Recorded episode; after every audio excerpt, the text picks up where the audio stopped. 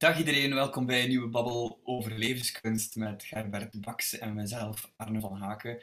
Dag Gerbert, hoe gaat het met jou? Dag Arne. Het gaat zeer goed. Fijn, ik ben blij dat je er weer bij bent om weer eens uh, een nieuw facetje van levenskunst met mij te bespreken. Um, we hebben al heel wat babbels gehad natuurlijk. En en als we verschillende dingen waar we het al over gehad hebben, dan um, moet ik zo denken aan het overzicht dat jij um, ook vaak gebruikt in je lezingen. En dat is um, levenskunst in twee stappen. En mijn eerste vraag zou zijn, uh, Gerbert, kan je nog even dat schema, dat overzicht uitleggen aan ons? Want het geeft zo'n mooi overzicht van levenskunst zelf. Ja, ja, inderdaad, inderdaad. Wacht, dan ga ik even mijn scherm delen. Dus dit is wat je bedoelt, een levenskunst in twee stappen. Ja. ja.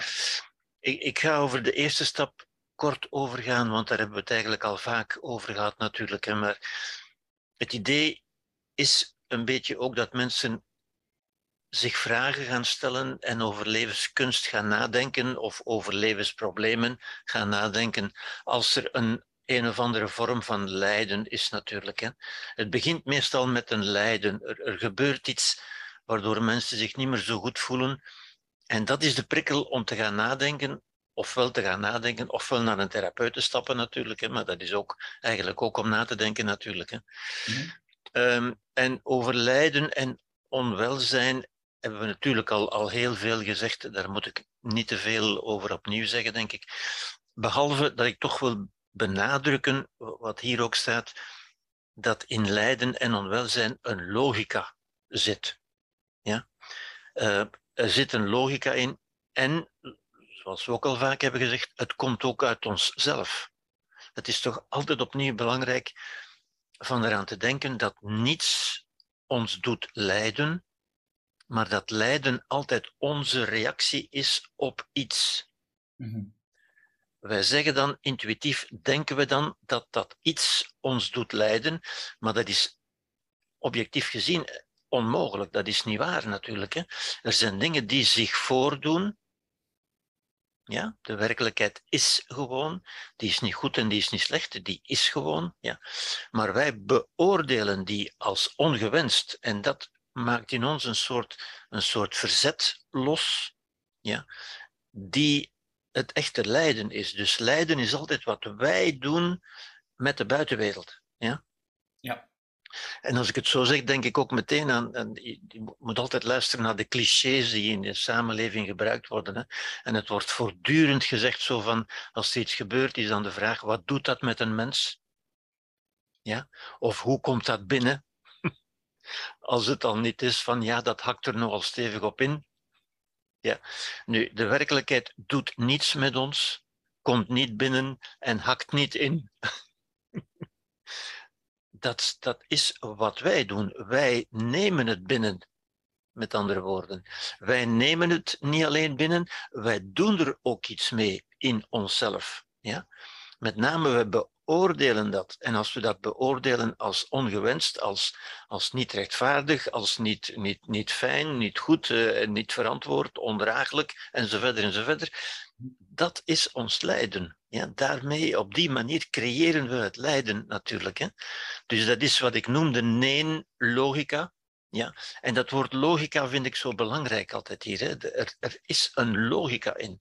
Het is niet iets irrationeels, het is niet iets wat ons overkomt of wat ons overvalt. Nee, het is iets wat wij doen en er zit ook een logica in. Ja?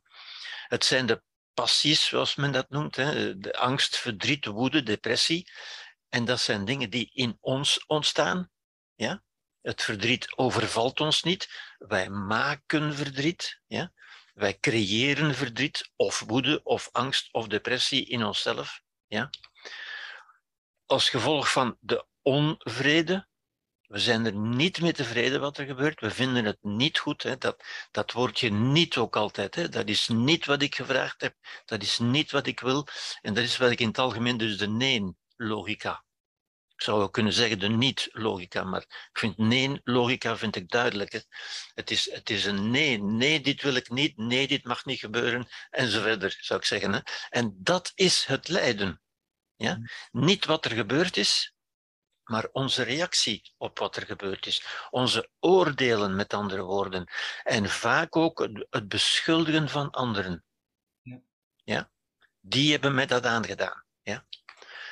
Dat is wat ik zou kunnen noemen disenchantment, met, met een Engels woord, uh, wat eigenlijk betekent uh, ontgoocheling, um, teleurstelling. Ja?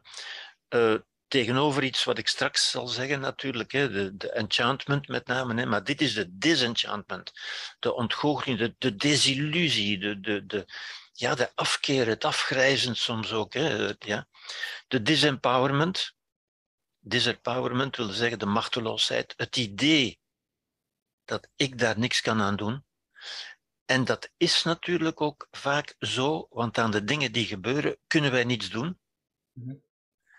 ik, ik, zou om, om, om een interessante lapidaire uitrust, uh, uitspraak te gebruiken, zou ik zeggen, het enige wat we aan de dingen kunnen veranderen, is onze manier van ernaar te kijken. Maar dat is wat wij doen, natuurlijk. Ja? En u ziet, als we op die nee-logica, als we op die manier kijken, wel, dan ontstaat er verzet, conflict, lijden in ons. We creëren dat, we maken dat als het ware. Ja? Het lijden is niet iets wat bestaat, het is geen, geen ding, geen substantief, alhoewel we zeggen het lijden. Maar we zouden beter, het is een activiteit, het is een functionaliteit, het is iets wat wij doen. Het is een gebeuren in feite. Ja? En ook de zinloosheid komt daar ook bij. En dat, dat staat in contrast met wat ik straks zal zeggen natuurlijk. Hè. De zinloosheid um, is het feit dat we er geen, zoals men dat dan vaak zegt, geen plaats kunnen aangeven, dat we er, geen, dat we er de zin niet van inzien. Dit is toch zinloos. Ja? En iets wat zinloos is of wat we zinloos noemen, wekt verzet in ons. Ja, dat wil ik niet, want dat is zinloos. Ja. ja? Ja, zie je, alles die nee-logica in feite. Ja? Dat is de stap 1, zou ik zeggen.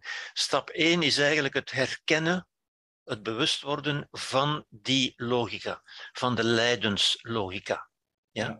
Als u dat begrijpt, of als men dat begrijpt, dan kun je eigenlijk ook ophouden met dat lijden te creëren dan moet je niet meer wachten tot de wereld verandert of tot je verleden verandert, veranderd is of tot de anderen anders zijn, maar dan kun jij in je eigen persoon, in je eigen belevingswereld, kun je daar eigenlijk mee stoppen. Ja? Want die eigen belevingswereld, die behoort volkomen aan jou toe. Je kunt niet veranderen wat er in de wereld gebeurt om je heen, in de buitenwereld, in de omwereld. Want daar heb je geen bevoegdheid, daar heb je geen, geen macht. Daarin ben je inderdaad machteloos. Maar je hebt alle macht in principe ja, in je eigen wereld.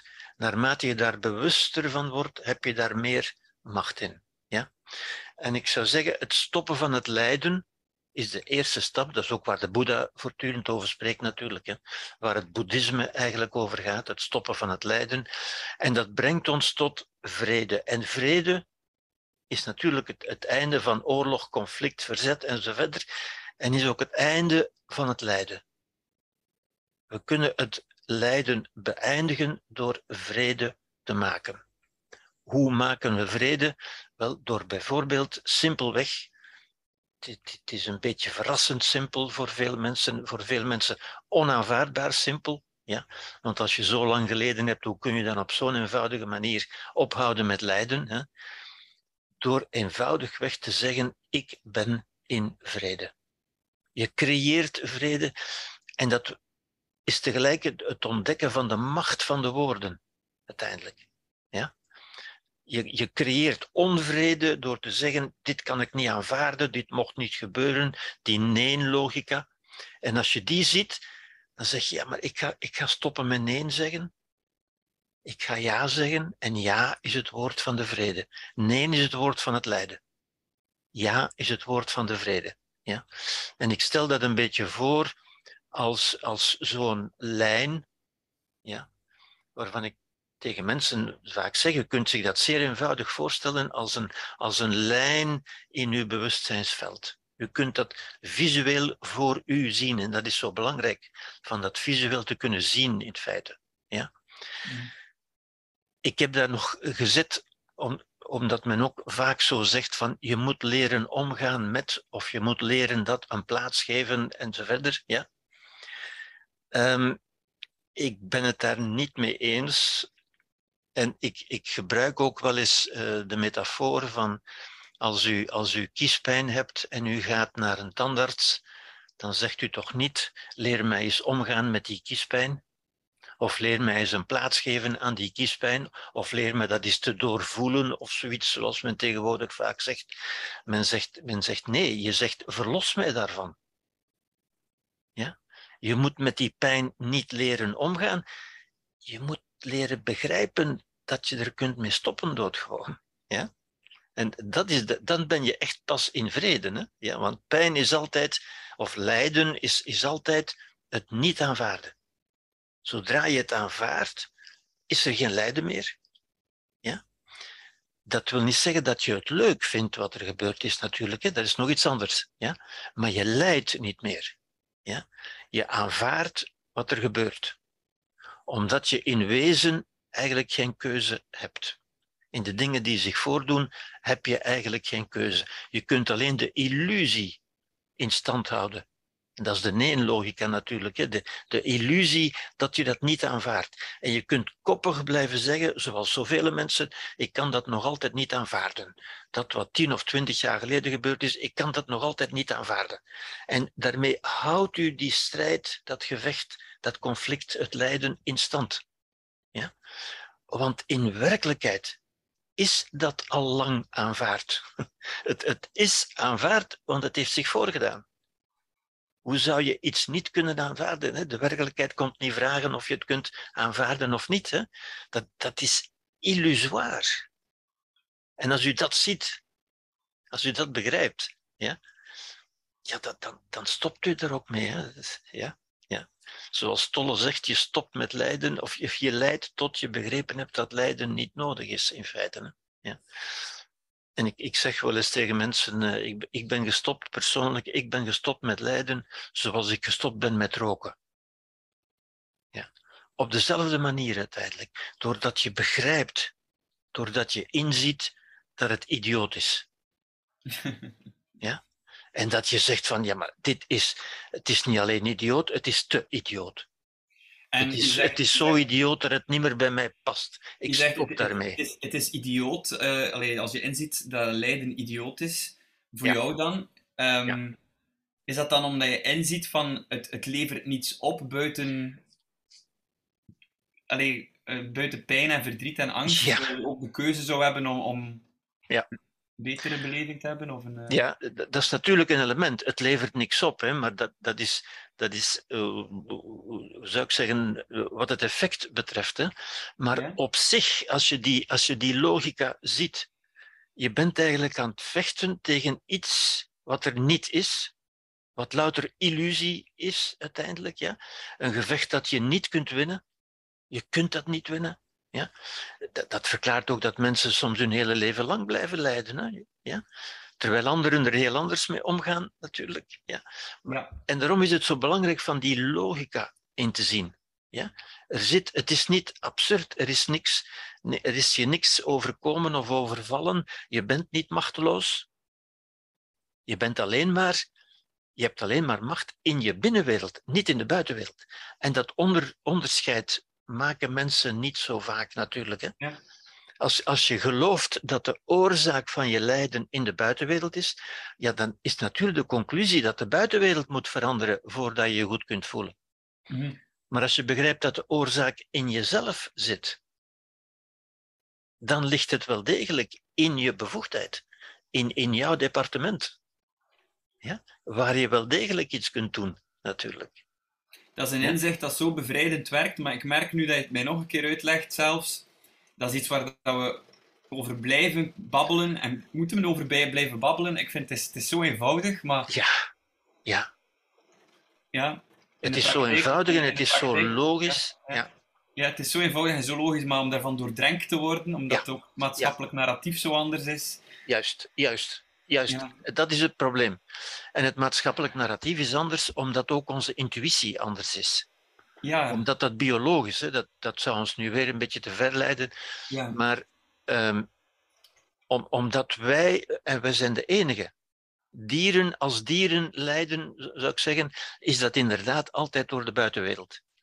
Maar de mens heeft zo'n complexe en zo'n geweldige binnenwereld dat wij kunnen voortdurend beelden creëren die ons voortdurend boos maken of angstig maken of opwinden en waar we mee in conflict kunnen zijn. Maar dat is volkomen in de binnenwereld. En dat begrijpen we niet genoeg. Ja? Ja. Niet omdat we dom zijn of zo, maar omdat men ons dat gewoon niet voldoende leert, zou ik zeggen. Ja? We leren zo niet denken. En dan, als we dat dan later in het leven vernemen, dan zijn we verbaasd zit het zo, kan dat zo eenvoudig zijn? Hè? Nu, Dat is uiteindelijk wat de Boeddha hè, 2500 jaar geleden ons al gezegd heeft. Ja, ja. Ik, heb, ik heb wel al bijvoorbeeld de opmerking gekregen dat wanneer ik daar op een manier probeer mee om te gaan dat ik niet leid onder bepaalde omstandigheden, en een van mijn vrienden bijvoorbeeld wel, dan kan ik de opmerking krijgen van uh, trek jij je daar dan niets van aan of, of betekent dat dan niets voor jou? Ja, dus dat is een vaak gehoorde kritiek, waar ik wel dan mee worstel. Ehm, niet alleen van, allee, het is niet zo erg, vind ik, dat zij het niet begrijpen, maar soms probeer ik dan, en reflecteer ik naar mezelf van, oei, is dat dan inderdaad niet iets, ja, zo van, ontloop ik mijn verantwoordelijkheid niet net daardoor, of ik snap het niet goed dan soms. Ja, maar dat zijn, dat zijn nog andere dingen. Het zijn belangrijke dingen die je nu zegt natuurlijk. Um, omdat in onze samenleving, ook in onze cultuur, moet je zeggen, ja, wordt lijden gezien als een vorm van betrokkenheid. Ja, ja. Van, ja. van er omgeven. Ja. ja.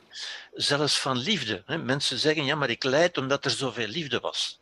Mm Wat eigenlijk niet kan. Mm -hmm. Ja, want lijden heeft niks met liefde te maken natuurlijk, hè, maar, maar met, met jezelf natuurlijk. Maar ik zou zeggen, uh, je, je kunt dat ik zou zeggen, je kunt, je kunt er beter over denken. Ja? En ik, ik, ik zou zeggen, ik, ik wik weeg mijn woorden natuurlijk ook. Hè. Het is niet omdat ik niet lijd, dat ik niet zie dat er lijden is in de wereld. Mm. Ja? Als ik naar de, de, de beelden van Oekraïne kijk bijvoorbeeld, hè, dat, dat, dat, dat laat me natuurlijk niet onverschillig. Ja? Maar van de andere kant, als ik nu daaronder zou gaan lijden, daar zou niemand mee geholpen zijn. Ja. Dat, dat levert inderdaad niks op. En het is voor mij idioot omdat het over mezelf gaat. Dan ben ik niet bezig met die mensen, maar dan ben ik bezig met mezelf. Ja. Ja? Lijden brengt ons bij onszelf. We lijden altijd voor onszelf. We lijden niet voor andere mensen. Ja. Het is altijd voor onszelf. Ja? Ik zou zeggen, als je zo'n tragische dingen ziet, of dat nu in je onmiddellijke omgeving is of, of, of in Oekraïne, want dat is uiteindelijk hetzelfde voor een redelijk mens, ja? wat daar past, zou ik zeggen, is uh, die betrokkenheid die zich uit in een woordje dat, dat, ik, dat ik heel mooi vind, dat is ingetogenheid. Hmm. Wat daar past is niet rouw of verwerking, want dat gaat allemaal over mezelf of lijden, maar ingetogenheid.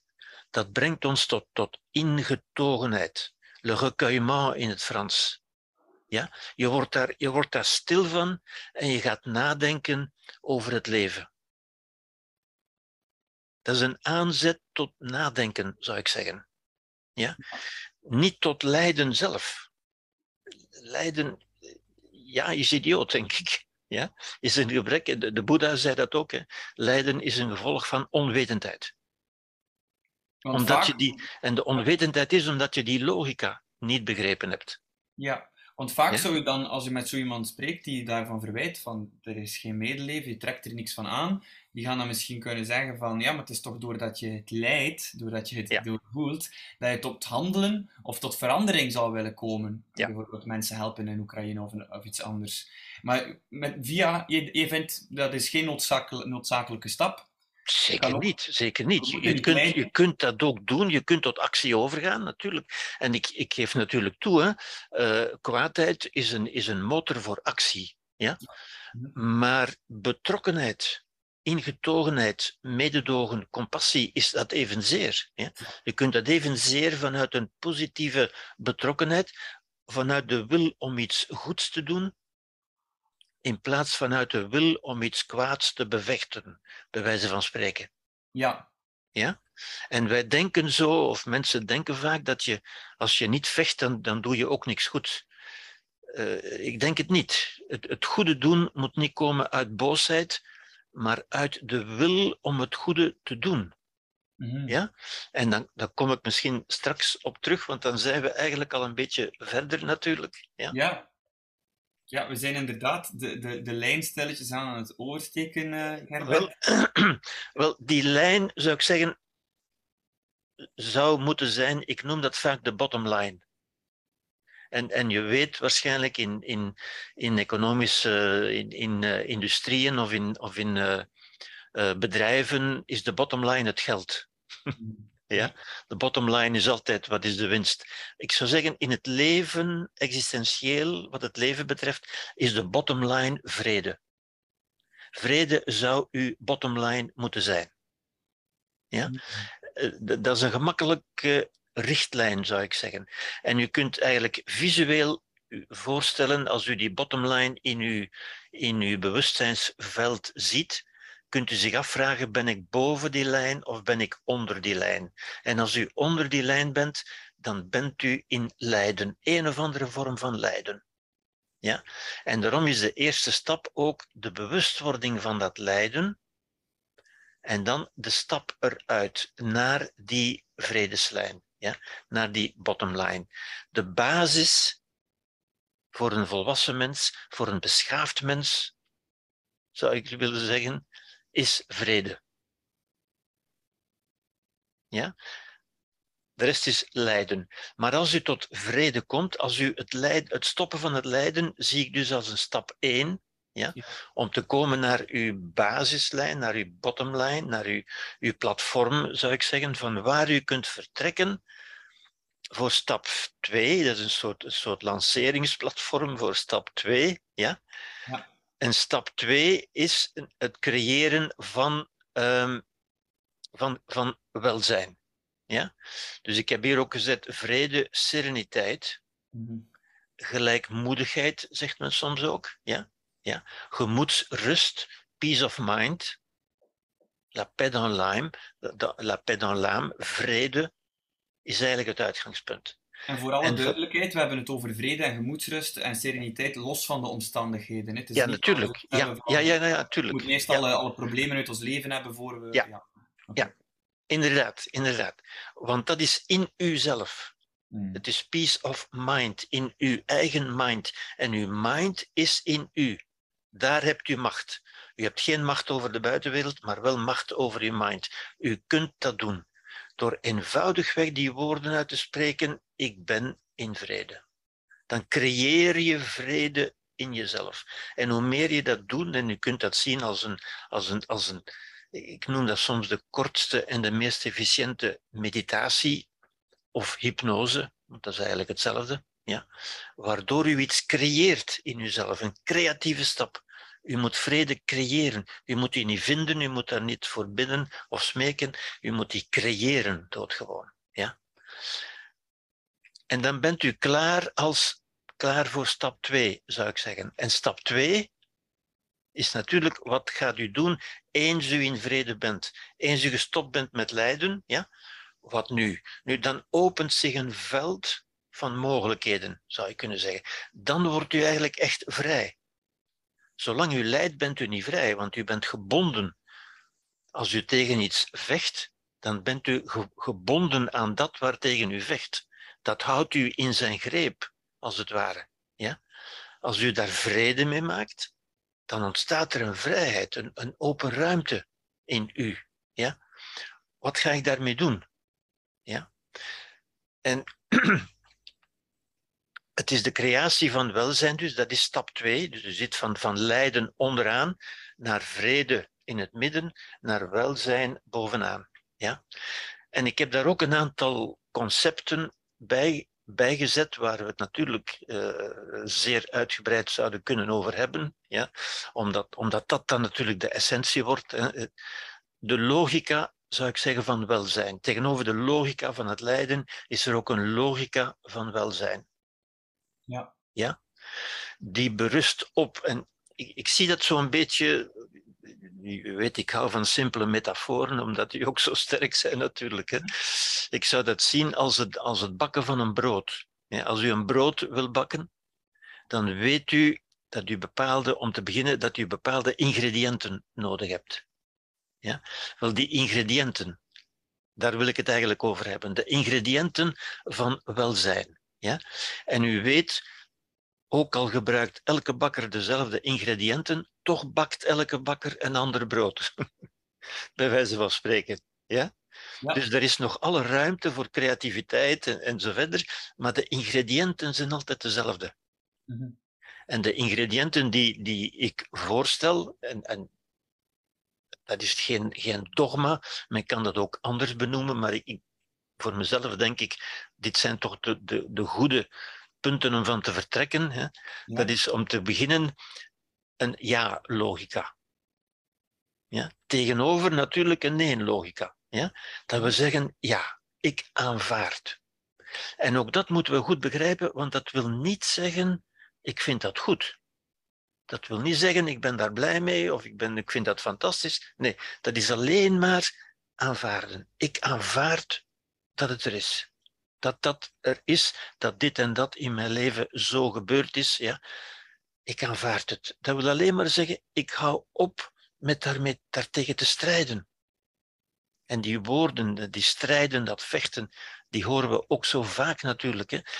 Ik zeg dan altijd, ik strijd niet en ik vecht niet. Ja. Ik ben een pacifist. ja.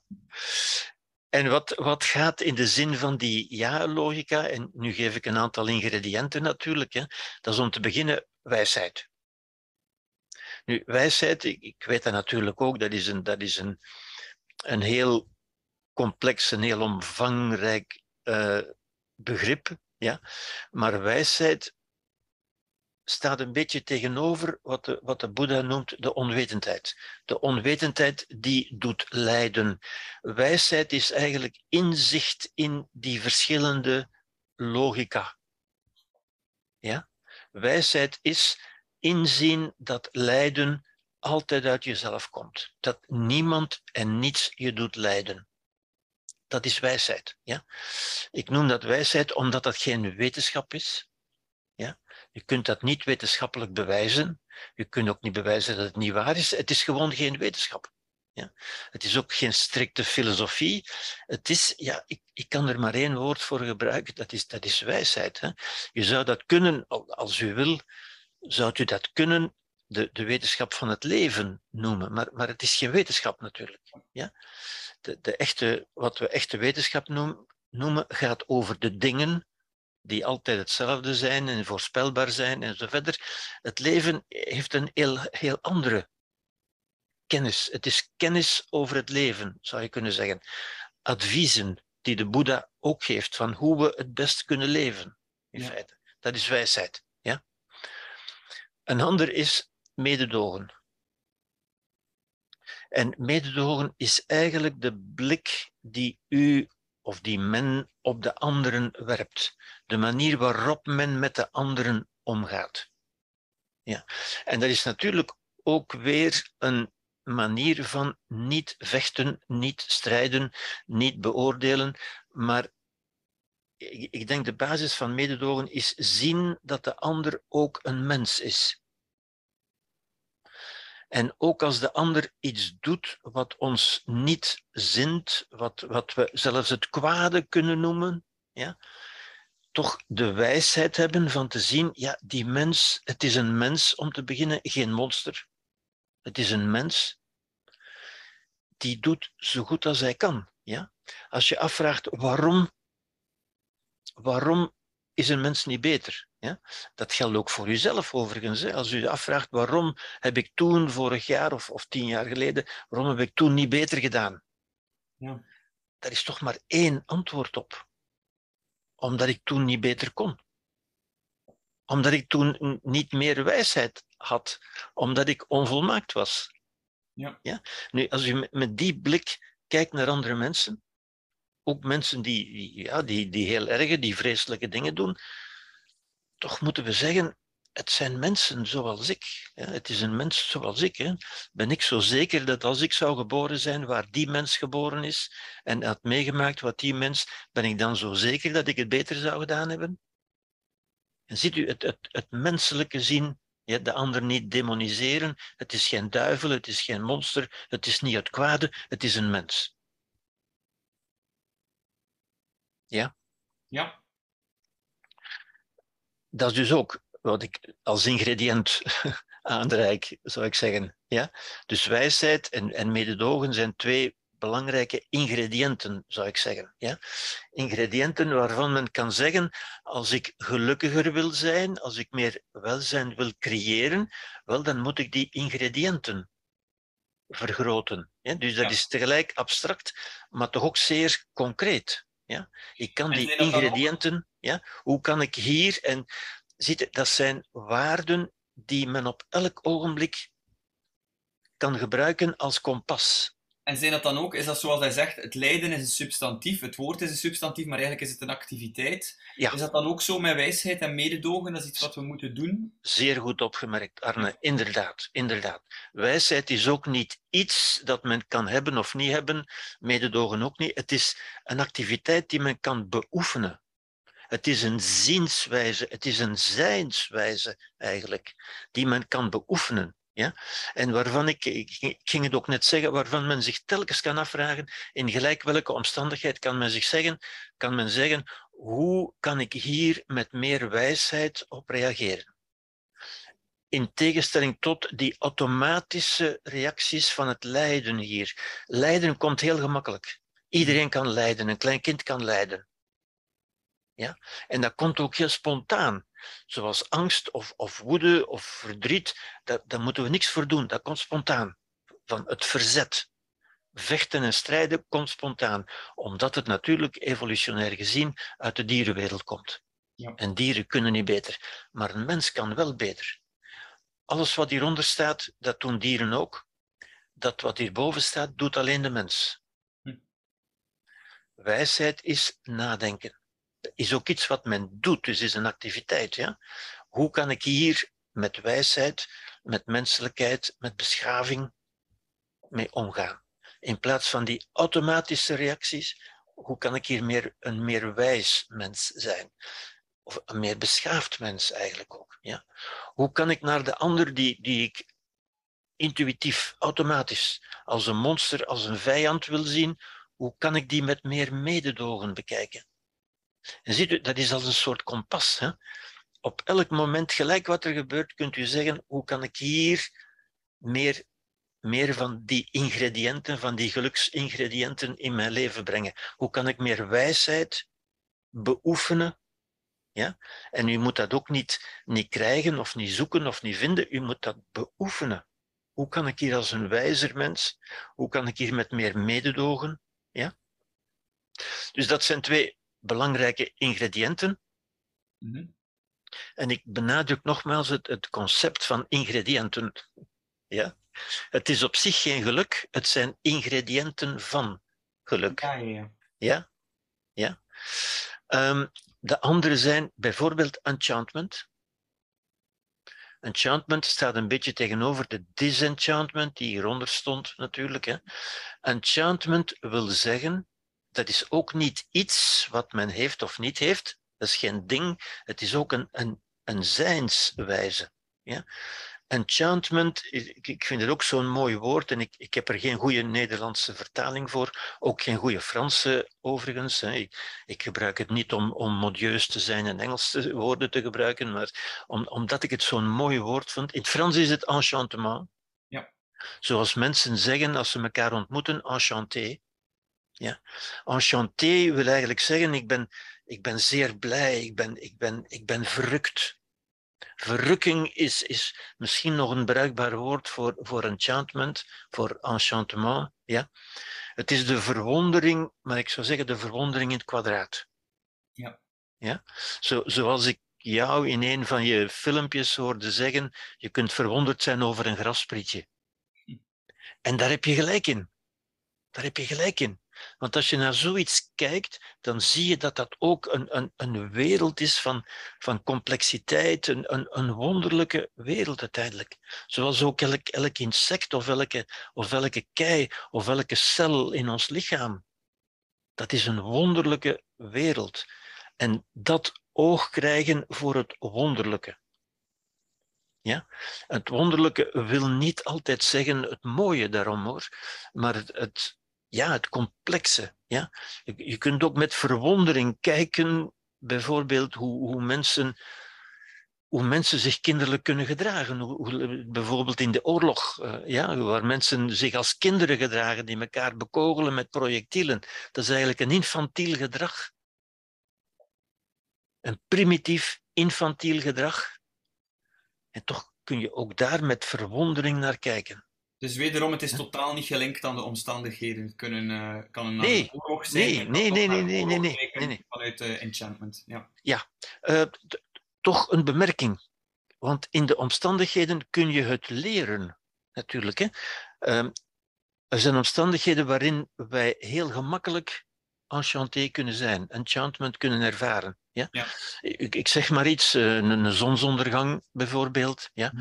Iedereen zal dat, zal dat geweldig vinden. Ja? Mhm. Nu, dat is belangrijk, want daarin ontdek je je eigen mogelijkheid om enchanted, enchanté te zijn. Ja? Maar het is niet de zon die jou enchantment geeft. het is ook jouw blik, jouw manier van er naar te kijken. Je zegt, dit is toch wonderlijk, dit is toch fantastisch. Ja? Je hebt er eigenlijk geen woorden voor, omdat het zo zo overweldigend bijna is. Hè? Maar dat kun je ook hebben als je naar een bloem kijkt, of als je naar een kind kijkt, of, of als je naar een vrouw kijkt uh, als man. of, of als ik. Uh, ik moet er opletten tegenwoordig. naar een mens, laten we zeggen. Ja? Maar dat is enchantment. Begrijp je wat ik bedoel met enchantment? Ja, helemaal, denk ik. Want ik vroeg me dan ook nog af bij enchantment, is dat ook verwant aan, aan enthousiast zijn, enthousiasme? Ja, ja, ja, ik denk het wel. Ja dat kun je daar ook zetten, inderdaad. Enthousiasme. Ik denk als je, als je enchanté bent, als je enchanted bent, dan ben je van nature ook, of, of, automatisch zou ik zeggen, ook enthousiast natuurlijk. Je bent er enthousiast voor. Je bent er zodanig enthousiast voor dat het je eigenlijk zin geeft om dat mee te delen aan anderen. Ja, dus enchantment is dan meer misschien ehm, hoe we naar de dingen kijken, of, of, of de dingen interpreteren of de verwondering opzoeken. En enthousiasme zou dan eigenlijk het gevolg daarvan kunnen zijn. Het, de ja, uitwendiging ja. of zo. Allee, of ja, ja, nu zijn we een beetje met de woorden aan het spelen natuurlijk. Hè, maar, ja, ik ben gewoon aan het zoeken waarom dat jij niet het woord enthousiasme gebruikt. Ja. Dus daarom. Ja, ja, ja. Ja, ik kan daar ook niet op antwoorden waarom ik dat woord niet heb gekozen. Om, omdat om een of andere reden ik, ik meer enchanté was over het woord enchantment. Waarschijnlijk. ja, ja, en ik, ben enthousiast over het woord enthousiasme. Dus. ja, ja maar, maar als je me dat zegt, inderdaad hoor, het komt, het komt erop neer hoor. Ja. Ik denk, als je, als je enchanted bent, dan, dan, dan ben je meteen ook enthousiast daarover. Ja. Zelfs in die mate enthousiast dat je het wil delen met anderen. Dat geeft ons zin om het te delen met anderen een soort van overlopen, hè? Ja, Zo ja, het vaak. inderdaad. Overlopen, ja. ja, ja. Uh, een, soort, een soort overvloed, in feite. Ja. Die okay. de echte, echte vorm, dat zou ons natuurlijk te verleiden, maar die echt met liefde te maken heeft natuurlijk. Hè? Dat, dat is ook liefde. Hè? Ja? Je loopt over. Liefde is niet het opvullen van een tekort. Mm. Niet van ik ben zo ongelukkig en ik hoop dat jij mij gelukkig zult maken. Dat is geen liefde, dat is behoefte. Er is geen liefde natuurlijk. Hè. Liefde, ideaal gezien weer, hè, is een beetje vanuit overvloed. Ik, ik voel me zodanig goed dat ik zin heb dat ik het wil delen met iemand. Ja. ja? Ik, wil, ik, wil, ja, ik wil het delen, in feite. Ja? Ja. Prachtig. Ja, duidelijk. Enchantment. belangrijk ingrediënt, me Ik, ik denk het is een heel belangrijk ingrediënt. En we leren het kennen natuurlijk. Hè. We leren het kennen in bepaalde omstandigheden. Bijvoorbeeld als je verliefd bent. Als je verliefd bent, dat is een vorm van enchanté zijn. Hè. Je bent enchanted, je bent, je bent er vol van. Ja. Je loopt ervan over. Ja? En dat kun je ervaren in bepaalde omstandigheden. Als je verliefd bent of als je een zonsondergang ziet of zoiets. Maar dan is de wijsheid weer van te beseffen, dat is een manier van kijken die uit jou komt. Ja, de zon geeft je dat niet, die, die andere persoon geeft je dat niet, een, een bloem geeft je dat niet. Het komt uit jou. Het is jouw manier van kijken. En Net zoals ik bij gevolg ook kan leren los van. Ik denk dat het, uh, ja, ik denk dat het moeilijk is van het te leren als men het nooit zou ervaren hebben. Ja, ja nee, nee, nee, uiteraard. Maar men, men ervaart het in bepaalde omstandigheden. Uh, ik zou zeggen, het cliché is dan dat mensen gaan denken. Ik heb dat ook ergens in mijn boek geschreven met Mozart bijvoorbeeld. Als ik, als ik, ik, ik ben nu toevallig enchanté over Mozart, zal ik maar zeggen. Ja? Um, ik zou dan kunnen gaan denken, zie je wel, dat betekent dat ik Mozart nodig heb om mij goed te voelen. Ja. ja? De wijsheid zou weer zijn van te beseffen, het is uiteindelijk mijn waardering voor Mozart, dat komt van mij uit. Mozart geeft mij dat niet, zoals de zon mij dat niet geeft of een bloem. Het komt uit mij. Zie je, dat is dan de reflectie over die ervaring. En, die ervaring toont je dat je ertoe in staat bent. Ja, en je hebt dat inzicht, van jij bent ertoe in staat, maar doet dat ons dan inzien dat we andere, moet ik het zeggen, dat we dat bij gevolg ook met andere omstandigheden kunnen? Of is dat iets wat we los van omstandigheden kunnen leren? Dat we dus gewoon met andere woorden kunnen zeggen van ik beslis om vanaf nu iemand te zijn die enchanted is. Wel, ik denk dat je dat kunt, inderdaad. Maar dat is wat, wat je nu zegt. Het is heel, heel interessant wat je nu zegt, want dat is weer de wijsheid om met die ervaring om te gaan. Dat zijn de conclusies die je uit die ervaring trekt uit die ervaring zou je concluderen, zie je wel, ik heb Mozart nodig, of ik heb dit of dat nodig, ik heb dat nodig, hè? dan word je een verslaafde uiteindelijk. Hè? Ja? Of je kunt beseffen, en dat is de wijsheid, hè, van dat komt uiteindelijk uit mij. En als ik dat hier kan, dan kan ik dat ook op andere plaatsen en in andere omstandigheden. En zie je, dat illustreert de wijsheid weer. En ook dit is dus iets wat we kunnen oefenen, net zoals wijsheid en mededogen. Wel, als je dat, als je dat begrepen hebt, dan kun je dat ook gaan doen, in feite. Hè? Ja? ja? En je kunt ook naar alles wat je, wat je banaal vindt. Ja? Ik, ik, ik kijk persoonlijk bijvoorbeeld graag naar, naar, naar, naar grote bomen, naar mooie bomen. Mhm. ja? Mhm. En dan kun je beslissen van ik, ik ga daar nu, ik, ja, we hebben daar weinig woorden voor. Uh, in zekere zin, ik ga me daaraan overgeven, aan die ervaring. Dat wil zeggen, ik, ik, laat, me daar, ik laat dat in mij doordringen, tot, tot bloei komen, zoals ik die muziek in mij opneem en tot mij, in mij tot bloei laat komen. Zo kan ik ook een boom, ja? ik zet opzij alles wat ik denk te weten en ik kijk naar dat, naar dat fenomeen. En als je naar een boom kijkt, dan, dan kun je toch alleen maar zeggen, wat, een, wat, een, wat een fantastisch wezen staat daar. Ja. In feite, hè? En terug om het een extremis te trekken, gewoon omdat ik het wil doorhebben hoe dat je ernaar kijkt. Je kijkt naar die boom, hè? Je, je bent bewust van, oké, ik, ik, ik, geef me daaraan over, ik ervaar die enchantment. En dan kijk je naar beneden en aan je voeten, tussen je voeten ligt er toevallig een hondendrol. Zo'n goede, verse, stinkende hondendrol. Kan je dan in extremis, hè? Niet dat ik zeg niet dat je dat wil doen of dat moet doen, maar kan je dan extremis ook beslissen van, kijk, ik ga nu enchanted worden over die hondendrol? In extremis wel. Het is een belachelijk voorbeeld, maar ik wil zeggen, het is nee, nee, nee, het is niet belachelijk. Het is, het, is, het is heel goed, want het is ook een uitdaging. En zie je, dat, dat leidt weer tot reflectie. Kan ik dat hier ook? Ja. Maar als je nadenkt van wat een hondendrol eigenlijk is, hè, die hond heeft allerlei dingen tot zich genomen, dat is in zijn organisme omgezet. Hij heeft daar dingen uitgenomen die hij nodig had en de andere dingen heeft hij laten verdwijnen. Ja? Maar wat daar rest, Dat is, geen, dat is niet vuil, dat is niet vies, want dat is weer grondstof voor ander leven, voor nieuw leven. Andere wezens voeden zich daar weer mee. Ja? En als u er zo naar kijkt, en dat, dat is ook weer een stukje wijsheid natuurlijk, hè? Mhm. dan zie je, ja, dat, dat, is, dat is deel van, van een grote ketting van, van zijn, van een grote aaneenschakeling van zijn, van wezens die eigenlijk allemaal van elkaar in zekere zin afhankelijk zijn en die elkaar onderhouden en elkaar voeden. Ja? Mhm. En dan ben je weer enchanté over dat proces. Hè? Daarom, daarom niet noodzakelijk over die materie die daar ligt, maar bij wat die materie in je oproept. Ja? Hmm, mooi. Zoals als je, als je, als je um, um, enchanté bent over Mozart, ben je niet zomaar enchanté over die noten, de een na de ander, maar over dat geheel, dat betekenisvol, dat mooie geheel. Zoals als je naar een bloem kijkt, hè, je kunt zeggen, ja, dat, dat, is de wetenschappelijke blik, dan zeg je, ja, maar dat zijn toch maar moleculen, en dat is waar, maar dan, dan zie je dat niet natuurlijk. Ja? Maar als je er naar kijkt op een, op een enchanté manier, ja, dan, dan, dan word je vervuld uiteindelijk. Ja? Dan kan die bloem je vervullen. Of, of je partner, of je kind, of, of je hond, of, of eigenlijk, eigenlijk whatever. Ja. En daarom noem ik dat ook een ingrediënt. Ja? Een van de dingen die je dus kunt, kunt toevoegen aan je leven als je meer geluk wil hebben. Fantastisch.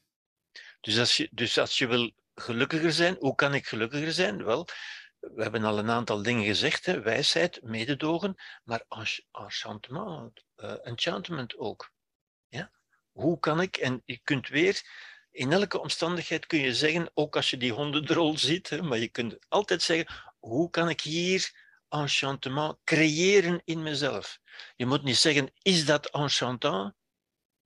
Nee, hoe kan ik enchantment creëren? Hoe kan ik hier met meer wijsheid uh, leven? Hoe kan ik met meer mededogen kijken? En zie dat zijn de ingrediënten om tot een gelukservaring te komen. Het is werkelijk een proces van creatie. Hè? Het ja, is een plan ja, creëren, inderdaad, creatie. Mededogen creëren. Het staat hier ook, hè, creatie. Dus welzijn, geluk is niet iets wat je zomaar overvalt, denk ik, of, of wat, eh, en, en zo verder. Wat, mhm. maar iets wat je heel bewust kunt creëren. Ja. Mooi, volgende ingrediënt?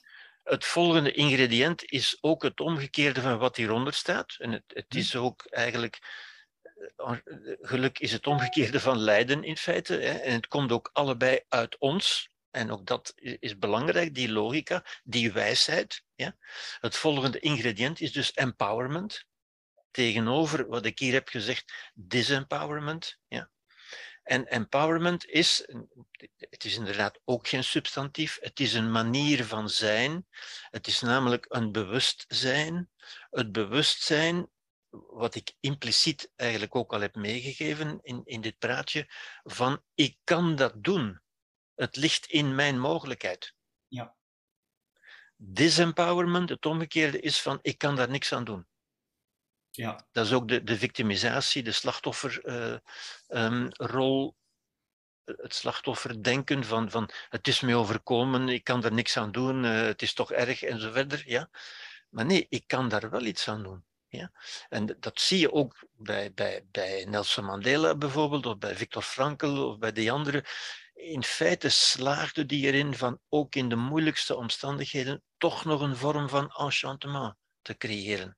En te beseffen, dat ligt in mijn mogelijkheid. Ik kan dat. Ja? Dus het gevoel dat je toch altijd een soort van vrijheid hebt, altijd een soort van controle hebt over jezelf. Of het, het, bewustzijn van je creatieve vermogen. Het bewustzijn van je creatieve vermogen. En dus het heeft ook iets te maken met, u, begrijpt het natuurlijk, die, die ingrediënten staan niet los van elkaar. Het heeft ook te maken met die wijsheid. Hè? Het, mhm. het besef van die wijsheid. Van ik kan dat. Hoe weet je dat je dat kunt? want mensen, het, het, woord dat mensen tegenwoordig, dat heel vaak gebruikt wordt, is zelfvertrouwen. Ja. En mensen zeggen dan, ja, maar ik heb geen zelfvertrouwen, eh, want ik ben dat kwijtgeraakt en, en zo verder en zo verder. Hm. Ik zeg altijd, zelfvertrouwen is zelfbewustzijn. Hm. Het bewustzijn dat je die mogelijkheden hebt. En hoe weet je dat? Hoe kun je dat bewustzijn voeden? Hoe, hoe kun je dat in stand houden? Ja? Uh, en dat kun je niet in jezelf vinden, denk ik. Hè? Dat is ook zo die, die emo-cultuur van je moet diep in jezelf kijken en dan vind je dat wel en zo. Uh, ik, ik geloof dat niet. Ja? Maar ik denk dat we kunnen ons inspireren aan mensen die dat getoond hebben, zoals de Boeddha of Nelson Mandela of Viktor Frankl enzovoort. En dan het besef weer, dat, dat is weer de wijsheid natuurlijk, hè? het besef dat je tot dezelfde soort behoort. Dat alle mensen grotendeels gelijke vermogens hebben. Als die dat kan, dan kan ik daar ook iets van. Misschien niet zoveel als die, maar iets daarvan kan ik toch ook. Ja? Dat zit in mij, want we zijn van dezelfde soort. In het geval van zelfvertrouwen, is, is, is dat voldoende? Dat is natuurlijk een beetje een zijwegje, maar gewoon wel interessant. Of is dat dan vooral door het zelf te doen en dan daarin de bevestiging te zien van ik kan... Als je het doet, dan, dan bevestigt dat natuurlijk. Hè? Hm. Maar je gaat het ook maar doen als je gelooft dat je dat kunt. Een simpel voorbeeld. Uh, ik heb nog nooit de trap opgewandeld en ik zie ineens een medemens dat doen. Ja. Ja. Heb ik dan meteen, zou dat voldoende moeten zijn voor mij om dan het zelfvertrouwen te hebben van, ah, ik kan dat ook? Of is het pas doordat ik, ik denk dan... Het wel. Ah, ja. Ik denk het wel. Ik denk los. Van, los van dat ik het zelf eerst moet doen. Ja, ja, ja. ja. Okay. ja.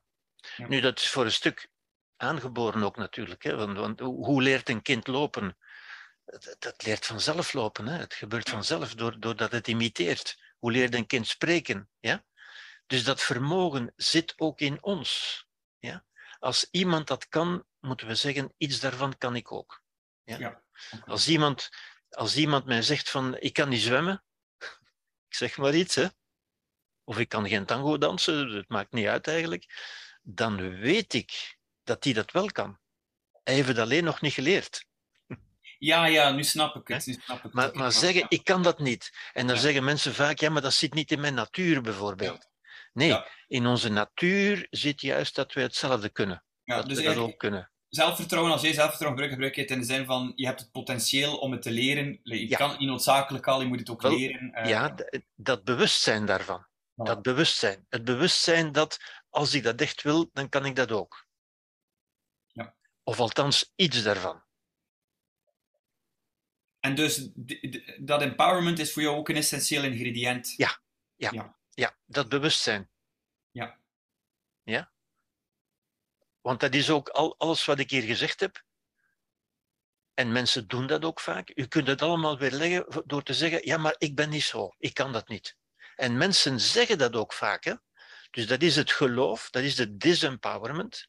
Het disempowerend geloof van ja, ik weet wel dat sommige mensen dat kunnen, maar ik ben zo niet.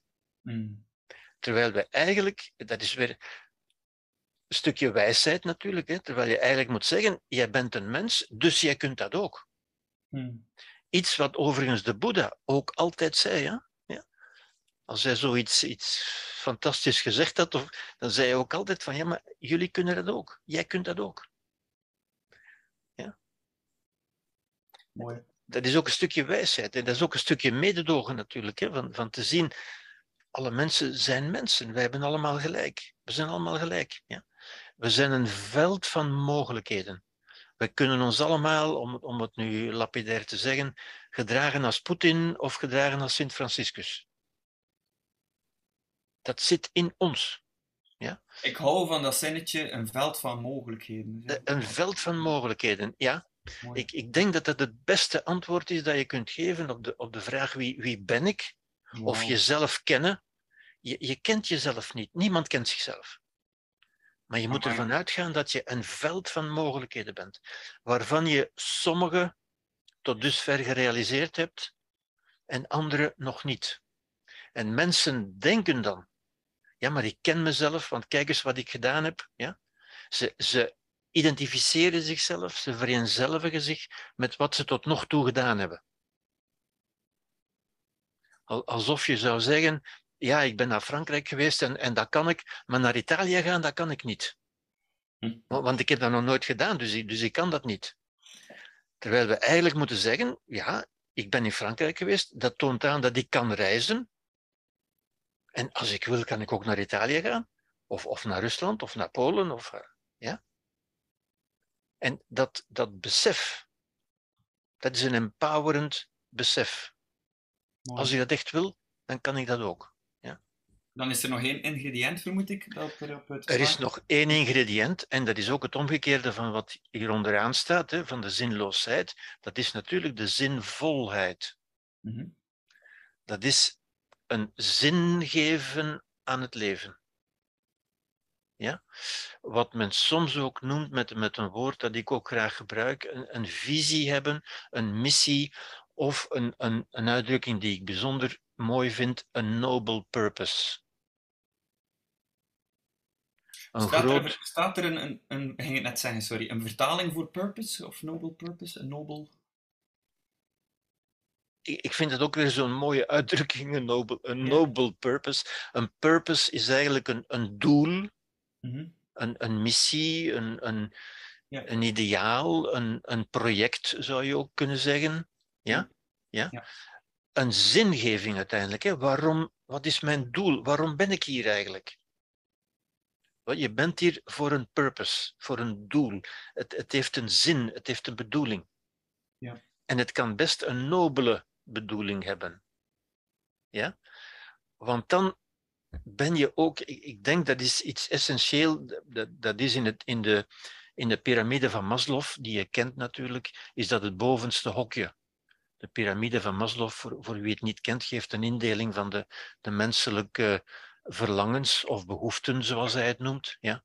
En het bovenste hokje daarvan, die het minst ingevuld is bij de mensen, ja, is het hokje van de zingeving. Ja. De zingeving. Mm. Ja. En ik denk dat het een, een, een. En ik zie dat ook heel vaak, en, en andere mensen ook, en jij waarschijnlijk ook. Hè. Er zijn vele mensen in onze samenleving die eigenlijk, zoals men dat zegt, alles hebben om gelukkig te zijn genoeg inkomen, genoeg geld, eh, een, een woning, eh, een partner, een baan, een auto enzovoort, enzovoort, en toch niet gelukkig zijn. Ja. Wel, en dat is in de meeste gevallen, als je daarmee naar een arts of naar een psychiater gaat, word je als depressief gediagnosticeerd natuurlijk. Ja. Maar de echte depressie is in feite het ontbreken van elke enchantment. Niets is de moeite waard. Mhm. Niets interesseert mij.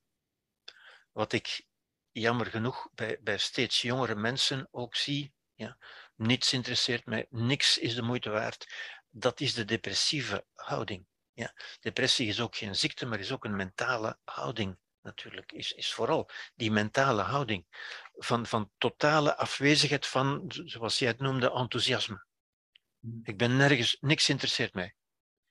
Nu, als u nergens een zin in ziet, dan heb je ook nergens zin in. Hmm. En dat is precies wat die mensen zeggen. Ik heb nergens zin in. Niks interesseert mij. Ja?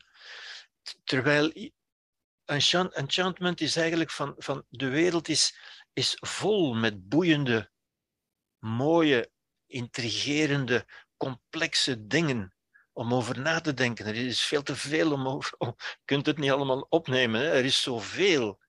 Terwijl iemand die depressief is zegt, ik zie niks, mij interesseert niks. Niks interesseert mij. Dat is de depressieve houding. Ja? Die geen ziekte is, hè, maar een, een, een mentale toestand natuurlijk. Ja? Op een of andere manier lijkt mij zinvolheid uh, hetgene wat dat minst simpel is voor mezelf om, om, ja. om uh, te creëren. Ja. Enchantment kan ik altijd zeggen, hoe kan ik hier verwonderd naar kijken? Ja. Empowerment is gewoon het inzicht van, ik kan dit ook, ik heb hier controle of macht over, of bewustzijn daarvan. Maar dan zinvolheid, dat is, dat is zo moeilijker, vind ik, of zo. Ja, dat, dat is ook zo.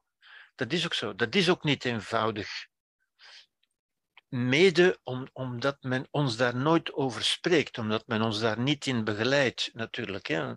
En dan moeten we dat plots uh, gaan doen en dan vinden we dat moeilijk, natuurlijk. Hè. Maar uh, dat is ook niet iets wat u, wat u van vandaag op morgen moet doen, maar iets waar u kunt over nadenken.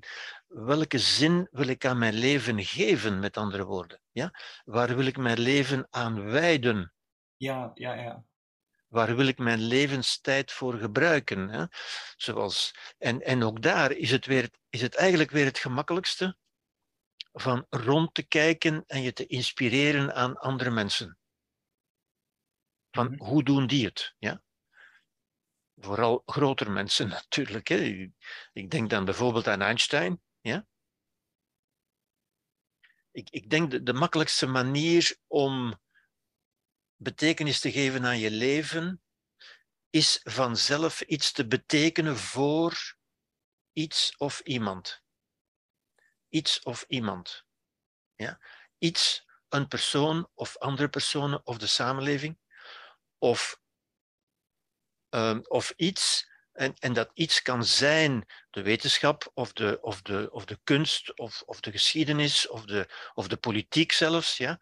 Iets waaraan je je wil wijden, waaraan je je leven wil geven in feite. Dus, dus eigenlijk moeten we het, allez, ik zie het nu inderdaad als iets groots waar je moet over nadenken, een levensproject, maar het kan met andere woorden ook iets eenvoudigs zijn, zoals je hoort en mensen in een bejaardentehuis die een, een bloem krijgen om voor te zorgen, een plant, die verantwoordelijk zijn voor een plant, dat, dat, dat op zich heeft de betekenen dat dat bloemetje gaat zonder hen doodgaan. Dat is weer Juist. een extreem voorbeeld, maar toch het geeft ja. dan een zinsbeleving. Inderdaad, inderdaad. En dat is in bepaalde studies aangetoond dat als je mensen iets geeft om voor te zorgen en ergens voor zorgen, dat wil zeggen iets betekenen voor iemand, voor iets of iemand, ook als het een huisdier is of ook als het een plant is. En het is aangetoond dat die mensen zich beter voelen en het beter doen dan mensen die niks hebben om. Ja? ja. En, en dat is ook de, de, de, de vaak gehoorde klacht van, van oudere mensen. Hè? Van ja, maar waarom moet ik hier nog zijn? Ik heb toch geen, het heeft toch geen zin meer. Ik dien toch voor niks meer. Ja. En dat is natuurlijk voor een stuk ook omdat wij in onze samenleving weinig plaats geven aan de wijsheid. Wijsheid is, in mijn visie, de specifieke rol, de specifieke taal van, uh, taak van oudere mensen. Hmm wijsheid meegeven, een, een bibliotheek van wijsheid zijn, waar jongere mensen zich kunnen inspireren. En dat, het, het feit dat dat, dat dat gebeurt door oudere mensen, is omdat zij de ervaring hebben, de jaren, de, de lessen, de... In principe is dat zo natuurlijk. Hè? Ja? Natuurlijk, we leven in, in die wetenschappelijke, technologische wereld. Ja? En jongeren zijn natuurlijk veel bekwamer en veel sneller in, met technologische dingen en zo verder. Ja? En ze hebben de wijsheid niet meer nodig, denken Mm. ze. Mm. Ja? Wat maakt dat ze geen vragen meer stellen aan, aan oudere mensen en dat oudere mensen ook niet meer weten wa- wat hun rol, wat hun taak eigenlijk is. Ja. Maar in feite zijn zij de behoeders, de bewaarders van de, van de wijsheid. Niet van de wetenschap, Ja. maar wel van de wijsheid. Ja, en ik heb een heel concreet voorbeeld in mijn leven dat dat zo helder maakt. En dat is bijvoorbeeld mijn schoonmoeder. Het cliché wil dat, eh, dat de schoonmoeder meestal iemand lastig is in het leven van een man. Maar in mijn geval is dat een, een, een zeer wijze vrouw. En die, dat, dat, dat is die zo heel duidelijk voor mij, omdat dat niemand is die, die de hogere studies doet of die over alles leest of, of, of, of heel veel info heeft via haar smartphone, smartphone of zo. Maar die, die is wijs. En ik kan het niet beter omschrijven voor mezelf dan een heel concreet beeld van. Dat, dat is waar, dat is, dat is iemand die, die op een bepaalde manier in het leven staat, die, die ervaringen heeft en die met een wijze blik in het leven staat. En, Ja. Wel, en die wijsheid, en dat is de taak die oudere mensen zich zouden moeten stellen. Hè? Van die wijsheid door te geven aan jongere mensen. Ja? Ja, ja. Maar jongere mensen stellen ook geen vragen meer, omdat ze niet meer op zoek zijn naar wijsheid. Ze zijn op zoek naar technologische dingetjes en, en snufjes en, en dingetjes om te hebben en zo verder. Maar zoals En, de wijsheid is uit onze samenleving verdwenen. Verdwenen is te sterk gezegd, maar, maar niet genoeg aanwezig, waardoor ook die dialoog er niet meer is. Mensen vragen geen wijsheid. Tenzij ze in de problemen komen, hè, dan zijn we weer onderaan natuurlijk hier. Hè. En dan gaan ze tegenwoordig naar een therapeut en dan verwachten ze een pilletje of zo Ja. om, om, om mij snel weer goed te voelen. Ja. Of ze gaan op vakantie of naar de sauna of naar een restaurant. Gaan maar snel leuke dingen doen. Ja? Maar gelukkig is, gelukkig is wijsheid net zoals geluk zelf, of welzijn zelf, iets wat dat zo intrinsiek motiverend is. Iedereen wil toch een gelukkig mens zijn. Dat, en je zegt Ja. het dan ook, een gelukkig mens is een geschenk aan de wereld. Absoluut. En de, uitbreiding, een wijs mens is een geschenk aan de wereld. We kunnen het alleen maar voorleven door het zelf na te streven. Wel, om het juist daarom. Ja, inderdaad. Ja. En dan begrijp je wat je daar straks zei. Hè? Een, een gelukkig mens is een geschenk. Omdat die het voorleeft, omdat die het toont. Ja. En iemand die, die dat toont, die trekt andere mensen aan. Daar gaan andere mensen naartoe. Die gaan vragen van, tja, hoe doe je dat om altijd gelukkig te zijn? Want ik heb zoveel lijden in mijn leven. Ja. Dus die zouden de, de wijsheid die ik hier eigenlijk geef, ook dat is een wijsheid, dat is geen wetenschap, hè? Dat, is, dat is wijsheid. Ja? Waarvan u zich, de, de Boeddha zei ook altijd, je moet dat voor jezelf onderzoeken. Hè? Dat wil zeggen, ga eens na voor jezelf. Als ik dit zou als uitgangspunt nemen, als ik dit zou aannemen, als ik zo zou gaan leven, zou mijn leven dan beter worden of zou het minder goed worden? En dat is de keuze die u hebt natuurlijk. Hè. Als u denkt het zal beter worden, dan, dan, neemt u het aan, dan gaat u het, gaat u het oefenen, gaat u het aannemen. Als u zegt nee, dat, dat interesseert mij niet, uh, ja, dat, dan laat u het waar het is natuurlijk. Ja? Maar dat is de taak van, van oudere mensen juist. Mooi. Maar niemand ziet die taak nog. Nog, nog jongeren, die gaan veel liever naar een therapeut dan, dan naar hun grootmoeder, bij wijze van spreken. En hun grootmoeder vraagt zich af, uh, waarom moet ik hier nog zijn? Want, want die heeft ook niet geleerd dat het haar taak en haar rol zou zijn van wijsheid door te geven aan jongeren. Ja, ik vind het wel mooi dat je, dat je het beschrijft als een taak of een rol, omdat het daardoor ook niet enkel iets is wat je zou kunnen als je oud en wijs bent. Nee. wel, want nee. je hebt dan de jaren en de ervaring en zo. Maar ja, wijsheid is iets wat, hij ook, uh, wat ook jonge mensen kunnen nastreven, maar vooral moeten Absoluut. inzien. Van Absoluut. oude mensen hebben nu eenmaal meer jaren en meer kennis en meer, meer ja, levenservaring om het mee bij op te halen. Hè. Ja. Absoluut. Zeg, Herbert, bedankt voor zo'n compleet overzicht van levenskunst in twee stappen. Het is een uh, heel mooi overzicht dat je gemaakt hebt, want je krijgt het echt allemaal op een, een dienblaadje, bij manier van spreken. Um, ja, een mooie kaart voor de reis die ons allemaal... Um, ja. Die wij allemaal ondernemen. Hè?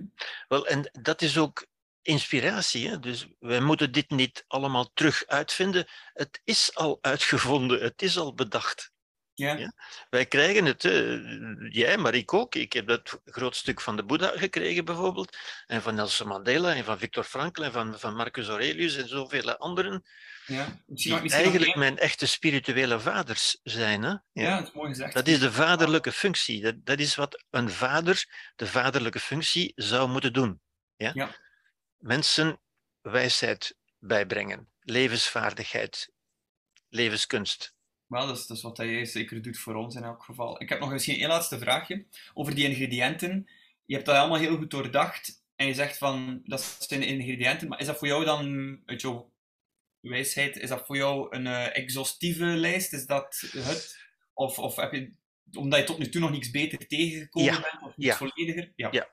Ik, ik beweer niet dat ik absolute wijsheid verworven heb, want daarom zijn het ook waarden. Hè? Je kunt ja. nooit zeggen, ik heb dat nu definitief uh, te pakken.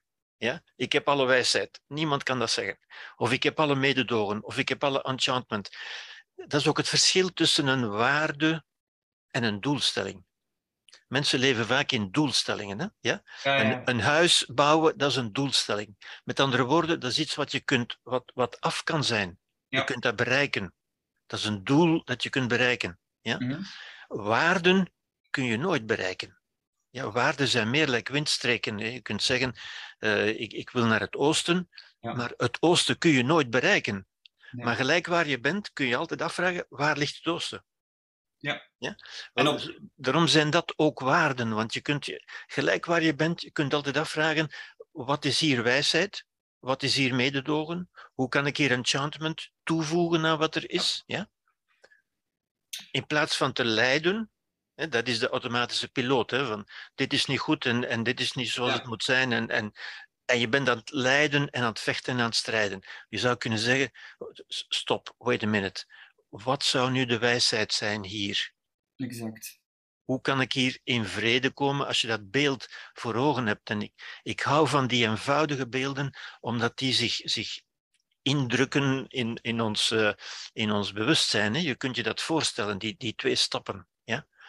Hoe kan ik hier een stap hoger komen? Hoe kan ik tot vrede komen? Hoe kan ik hier wijsheid toevoegen? Hoe kan ik hier mededogen toevoegen? Hoe kan ik hier empowerment? Hoe kan ik hier zinvolheid? Ja? En daarom hou ik ook van het concept van ingrediënten. Ja, ja, maar ik vind het wel interessant, omdat dit is wat eh, op, op jouw reis, die al um, do, door zoveel filosofie ge, uh, jou geleid heeft, zo, is dat eigenlijk voor jou de vijf waarden of zoiets dat je zegt van. Want ik zit nu ook te denken, gewoon nu nog maar, en het is niet dat ik al die jaren heb, maar ik zit te denken van, bij, is liefde dan niet zo'n waarde, de waarde? Maar dan denk ik, ja, eigenlijk is enchantment, is mededogen, dat zijn allemaal Ja. vormen van, Ja, van liefde. Ja. Dus, Ja. dus voor jou, je hebt dat zo goed doordacht dat dat voor jou nu eigenlijk het boeketje van ingrediënten is die... Ja, ik, ik denk het. is. Dat, is mijn, zoals Popper zou zeggen, mijn voorlopig beste visie. Dat is mooi gezegd. Ja. Bedankt om die met ons te delen, Gerbert. Ik vond het een super interessant gesprek. Dank u wel. Graag gedaan, Arne. En dat gaan we binnenkort nog eens overdoen. En misschien eh, de volgende keer over een ander aspect boven de vredeslijn. Ja, ja, leuk. ja, ja, ja, want we zijn daar niet snel over uitgedacht natuurlijk. Dus, ja. nee, Ja. En gelukkig maar. Gerbert, nog een fijne dag en tot de volgende keer. Oké, dankjewel Arne en tot de volgende keer inderdaad.